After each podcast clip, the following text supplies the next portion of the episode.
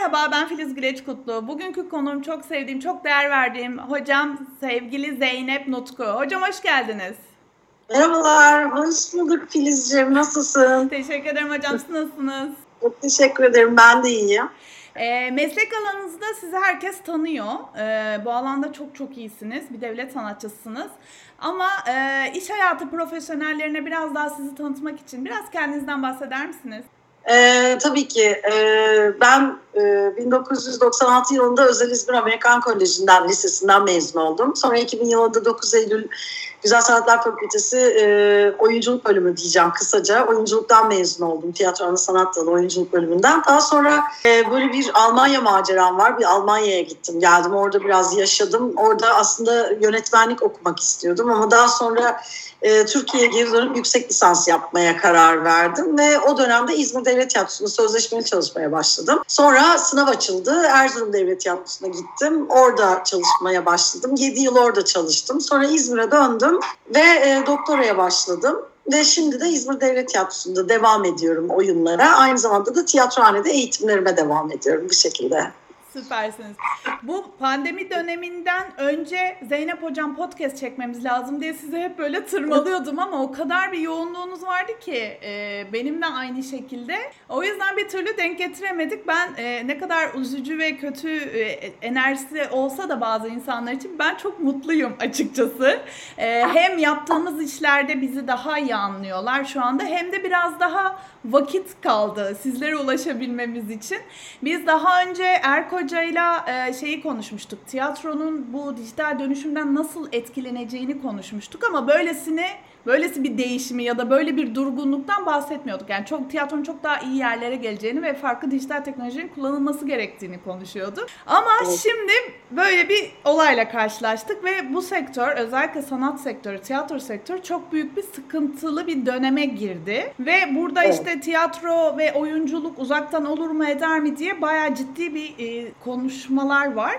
Ben e, son dönemde sizin bir eğitim, online eğitime başladığınızı görünce hemen zaten zaten hocam ne olur bu konuyla ilgili bir görüşelim istedim ama ilk sormak istediğim şey sizce oyunculuk eğitimi bu süreçte nasıl olmalı? Aslında çok zor bir şey. Ee, bizi gerçekten ciddi anlamda vurdu maddi manevi olarak. Yani özellikle özel tiyatroların durumu çok zor. Ee, özel eğitim kurumlarının durumu çok zor. E, tabii tiyatronun olmazsa olmaz iki öğesi e, oyuncu ve seyirci. Elbette arka planda çalışan realizatörlerimiz reji masasını tabii ki dahil ediyor ama en olmazsa olmazı oyuncu ve seyirci. Ve tabii pandemi bizi seyircimizden ayırdı sağlık problemlerimiz yani sağlık e, riskleri nedeniyle. E, eğitime gelince de aynı şekilde yine e, yapamıyoruz ve maalesef oyunculuk eğitimi bütün performans sanatlarında olduğu gibi yani balede böyledir işte enstrüman e, efendim söyleyeyim opera hepsi böyle dans hepsi böyle. Birebir yapılan bir eğitim yüz yüze yapılan bir eğitim. E, gerekli olduğu zamanlarda eğitmenin e, dokunarak veya işte izah ederek bir şekilde postürünü duruşunu düzelttiği oyuncunun veya işte performansçının. Yani bu tip bir eğitim olduğu için tabii dijitalde çok zorlan zorlanıyoruz biz. E, bir de doğası gereği tiyatro zaten canlı olarak yapılan ve o anki sinerjiyle yapılan bir şey. E, dijitale girdiği an adı üstünde sinema oluyor zaten bu. E, dolayısıyla yani ben biraz açıkçası endişeleniyorum tabii. Şimdi hep böyle kameradan mı devam edeceğiz diye. Çünkü kameradan devam edeceksek bu tiyatro değil dediğim gibi sinema oluyor. E, ve biz tiyatroya alışmış oyuncular için o seyirciyle olan o enerji alışverişi olmayınca çok zor. Eğitim kısmında şimdilik e, kendi okulumdan biliyorum 9 Eylül'den. Bildiğim kadarıyla kuramsal eğitimler online e, yapılırken e, sağlık riskleri biraz daha azalıp e, hastalık riski normale dönme sürecinde de sanıyorum birebir dersler şeklinde uygulamalı derslerimizi yapacaklar. E, ama yine de hep bir risk var. Seneye ne olacak soru işaretleri hepimizin kafasında maalesef var tabii ki. Ya oyuncu olmak isteyenler için çok büyük bir engel bu ve bunu aşmak için sizlerin ekstra bir şey yapması lazım anladığım kadarıyla. Ee, işte bu teorik derslerle mi yani insan şimdi sanat çok önemli, tiyatro özellikle çok önemli. Yani insanın zihnindeki e, aradığı sorulara cevap bulabileceği ve bir yani bir tiyatroyu izleyip oradan çıktığınızda beyninizde yanan o soruları cevaplamadan duramıyorsunuz. O bir etkileşim çok çok önemli ve bu alanda ilerlemek isteyen, kariyerini bu alanda geliştirmek isteyen çok fazla insan olacak ama bu süreç uzarsa bununla ilgili onun motivasyonunun da düşürülmemesi lazım. Ee, bununla ilgili teorik kısımlarda biraz gelişmekle ilgili sanırım son eğitim bununla alakalı. Değil mi?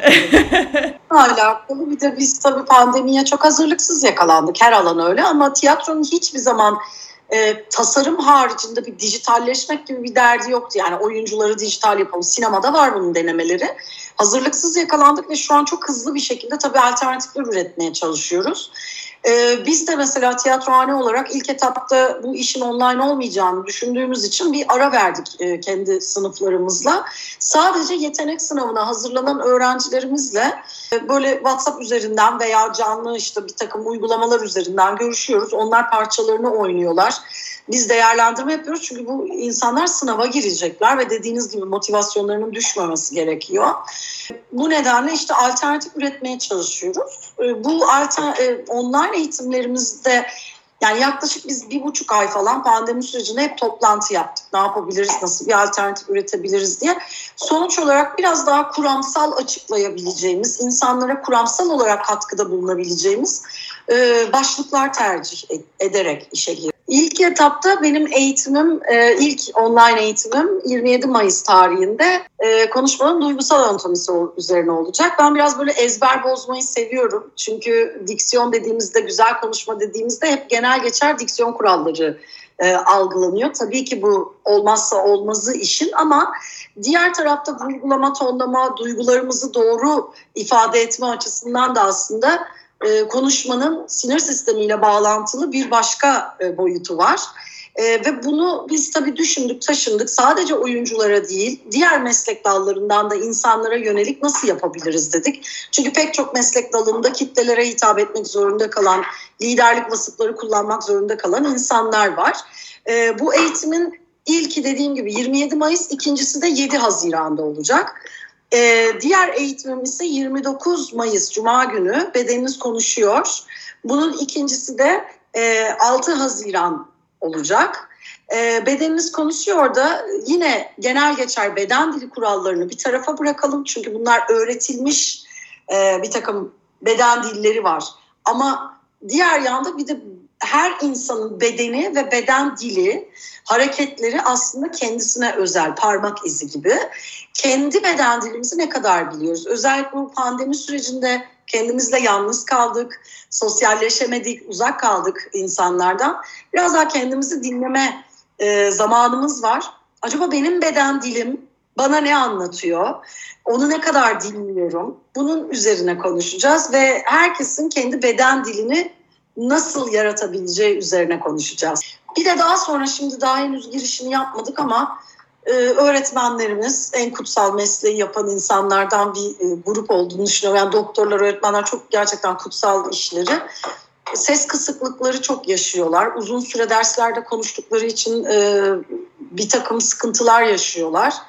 Ee, bunlar bunlarla da ilgili biraz dedik çalışalım. Öğretmenlerimize yönelik bir ses nefes çalışmaları nasıl olabilir? Bunu biraz daha online yapabiliyoruz oturduğumuz yerden. Ee, ve daha sonra da diksiyon çalışmaları yapacağız. Çünkü yorgunluktan artık bir süre sonra dil dönmüyor çok konuştukları için. Çocuklar gürültü yaptıkça tabii sesler e, maalesef kısılıyor. Bunlar üzerine onlara yardımcı olmak amaçlı bir iki böyle küçük tiyo vereceğimiz ve sonucunda da egzersizler e, hediye edeceğimiz bir e, online eğitimimiz olacak aynı zamanda. Süper hocam. Emeğinize sağlık. Biz de dijital dönüşümle ilgili konuşuyoruz. Hani tiyatro ve oyuncuların insanların işte liderlik becerilerinin geliştirilmesinde, kişisel evet. gelişimlerinde çok katkısı olduğunu düşünüyoruz. Zaten o nedenle de birlikte çalışıyoruz aslında. Çözüm ortağımız tiyatrohane. E, dijitalleşen dünyada diyoruz ve biz orada biraz daha insanın yetkinliklerini arttırmakla ilgili çalışmalar yapıyoruz ve bunu da özellikle oyuncularla, sizlerle e, çok desteğiniz için de çok teşekkür ederim. Sizlerle birlikte gerçekleştirmeye çalışıyoruz. Çünkü olanı olduğu gibi görmek ve orada olan duyguları hissettirmek sizlerin en büyük başarısı bence.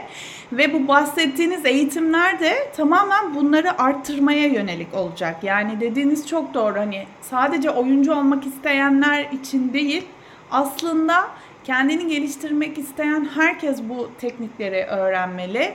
E, bu tarz eğitimlere katılmalı, bu tarz atölyelere katılmalı ve bunların hepsi de online olabilecek şeyler diye düşünüyorum ben. Zaten hani bu buraya doğru gitmeyi anlatıyorduk biz bugüne kadar. Tam ortasına düştük. O yüzden diyorum hani biraz daha iyi oldu. Bizim yaptığımız çalışmaları daha iyi anlamalarına neden oldu bu çalışmalar. Emeğinize sağlık hocam. Ben çok heyecanla bekliyorum eğitimi ben de. Ben de katılacağım. ben düşünüyorum. Yani bu süreçte aslında hem oyunculuk öğrencilerimizin yani gerek okuyan gerekse sınava hazırlanan oyunculuk öğrencisi adayı öğrencilerimizin motivasyonlarını düşürmemeye çalışıyoruz. Onlar için elimizden geleni yapıyoruz. Aynı şekilde kendi okulumdaki hocalarım, bütün oyunculuk bölümüne, tiyatro bölümündeki hocaların bir alternatif geliştirdiğini biliyorum. Onlar da düşürmesinler morallerini. Bu sınavlar olacak, oyunculuk okuyacaklar, oyuncu olacaklar ve tiyatro devam edecek. Aynı şekilde online eğitimlerde de belki de Türkiye'nin her yerine açtığımız bu eğitimlerde tanımadığımız ve uzaklardaki insanlara biraz motivasyon olmak zor günlerde e, hem kendimizi geliştirirken hem eğlenmek hem tanışmak hem de birbirimizi desteklemek, motive etmek adına e, bu şekilde eğitimlerin iyi olduğunu düşünüyorum ben. Aynen. Katkılarınız için çok teşekkür ederim. Peki e, son olarak podcast'i bitirmeden önce söyle, özellikle söylemek istediğiniz, vurgulamak istediğiniz mesleğinizle ilgili yani kendini bu alanda geliştirmek isteyen insanlar olabilir, yetkinliklerini geliştirmek isteyen insanlar olabilir. Hem bu eğitimlerin içerisinde mutlaka anlatacaksınızdır ama biraz daha insanları açmak anlamında ne önerirsiniz? Ne, yap, ne yapmalı insanlar? Ben her meslek dalı için disiplinler arası çalışmalar öneriyorum. Yani nasıl ki işte tiyatrohanenin Reskills'a bir katkısı varsa Reskills'ın da tiyatrohaneye ve bana özellikle bireysel olarak e, siz de benim hocam sayılırsınız sevgili Filiz Hanımcığım. E, birbirimize katkılarımız çok büyük. Ben disiplinler arası çalışmaları çok seviyorum. Danışmayı çok seviyorum ve hiçbir zaman e, olduğunu düşünmemeli insanlar. Olmak için çabalamalı, hep çalışmalı, hep öğrenmeye açık olmalı diye düşünüyorum. Ben biliyorum ben zaten bunları yedim yuttum oldum dediğimiz an maalesef geriye düşüş yaşadığımızdan hele ki böylesine dijital bir dünya ve müthiş bir kuşak geliyor gençlerin arasında. Meraklı ve e, bu dijital dünyayı tıkır tıkır kullanabilen, bunu iyi, verimli bir şekilde harca yaparlarsa yani Google'dan sadece şarkıcı şarkı sözü bakmak ya da basit şeyler değil ama bunu dijital kütüphaneler, dijital ortamlar, müzeler, şunlar bunlar yani çok şanslı gençler bu şekilde kullanırlarsa çok verimli bir şey dijital ortam. Biz onu kullanalım. Dijitallik bizi, teknoloji bizi kullanmasın. Biz teknolojiyi dijitali kullanalım diye düşünüyorum. Ve hani son olarak söyleyebileceğim bu. Yani gelişmekten vazgeçmesinler ve bu pandemi süreci bence bize üret ey insanoğlu tüketme artık diyor. Herkes diyor ki pandemi bitsin ben hemen koşarak işte şunu şunu yapacağım ama baktığınızda tüketime yönelik istekler. Artık tüketmek değil üretime geçmek gerekiyor. Üretimin ne olduğunu bir düşünelim. Ona göre bence üretmeye başlayalım. Bu bizi de motive edecek, ayakta tutacak tek şey bence. Ağzınıza sağlık. Gerçekten ederim. çok güzel. Yani bu pandemi bizi tüketmeye değil üretmeye götürüyor. Harika bir söz. Çok teşekkürler. E, çok geç bir saatte bağlandık aslında şu an. Dinleyiciler her an her zaman dinleyebilecekler bunu ama bu gecenin bu vaktinde zaman ayırdığınız için çok teşekkür ediyorum. Kendinize çok iyi bakın. Görüşmek üzere. Görüşmek üzere.